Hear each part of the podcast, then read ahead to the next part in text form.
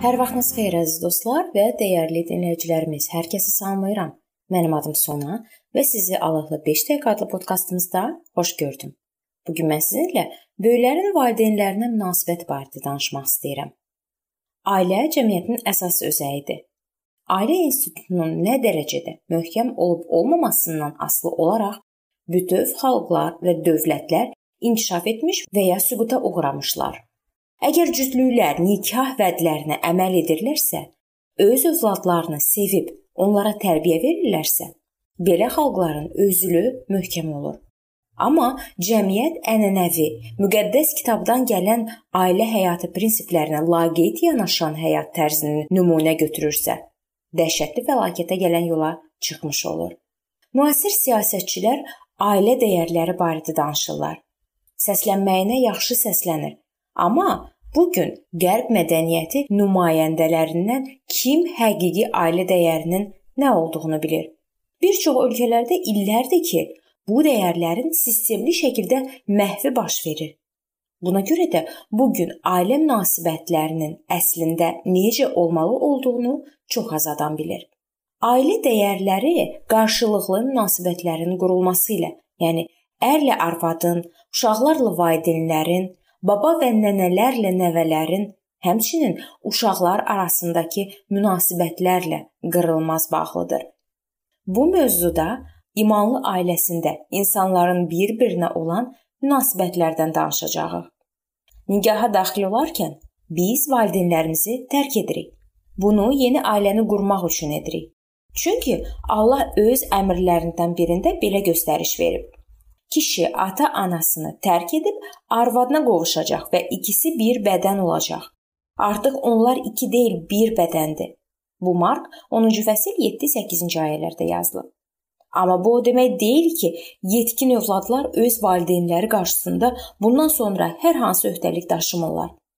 Atana və anana ehtiram göstər. Əmri nə qədər ki valideynlərimiz sağdır, bütün həyatımız boyu təsirlidir hətta müstəqil olaraq həyati, vacib qərarları qəbul etmək üçün onları tərk edəndə də. Bir dəfə İsa yer üzündə idi. O, Allahın valideynlərə ehtiram göstərmək barədə göstərişindən yayınmaq istəyən yəhudiləri ifşa etdi. Onlar belə bir qərar qəbul etmişlər ki, əgər insan müəyyən formal şeylərə riayət edirsə, onda valideynləri qarşısında öhdəliklərdən azad olunur. İsa onlara belə dedi: Musa belə əmr etdi: Ata-anana hörmət et və atasını yaxud anasını söyən adam öldürülməlidir.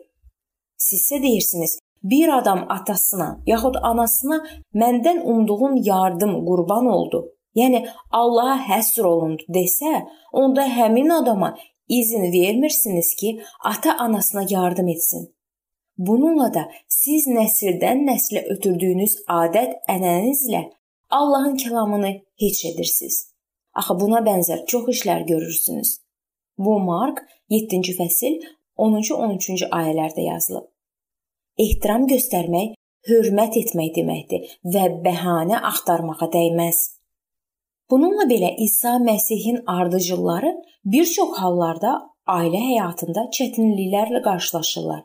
Eyni vaxtda həm İsa Məsihə itaət edib, həm də valideynlərimizə necə ehtiram göstərə bilərik?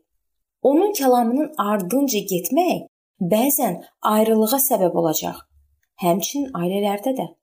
Matta 10:36-da yazılıb: İnsanın düşməni öz ev əhli olacaq.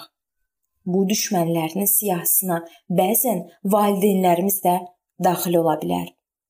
Əgər valideynlərimiz Allahın iradəsinə əks olduğunu bildiyimiz bir şeyi etməyi tələb edirlərsə, bu zaman daha çox Allaha itaat etməliyik.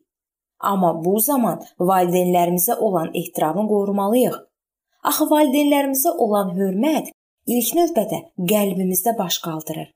Bizim onlara münasibətimizdə, yəni onlarla necə danışdığımızda və ya başqaları ilə onlar haqqında necə danışığımızda təzahür edir.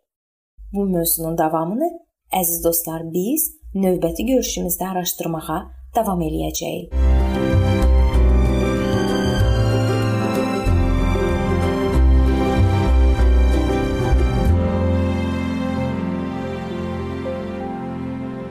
Beləliklə bu yerdə bu mövzumuz sona çatdı. Hər zaman olduğu kimi sizi dəvət edirəm ki, bizim podkastlarımızı Facebook səhifəmizdən və YouTube kanalımızdan dinləməyə davam eləyəsiniz. Nəzərinizə çatdırım ki, müqəddəs kitabı araşdırmaq istəyənlər linkə daxil olaraq qeydiyyatdan keçə bilərlər. İndi isə mən sizinlə sağollaşıram və növbəti görüşlərdə görmək ümidi ilə sağ olun, salamat qalın.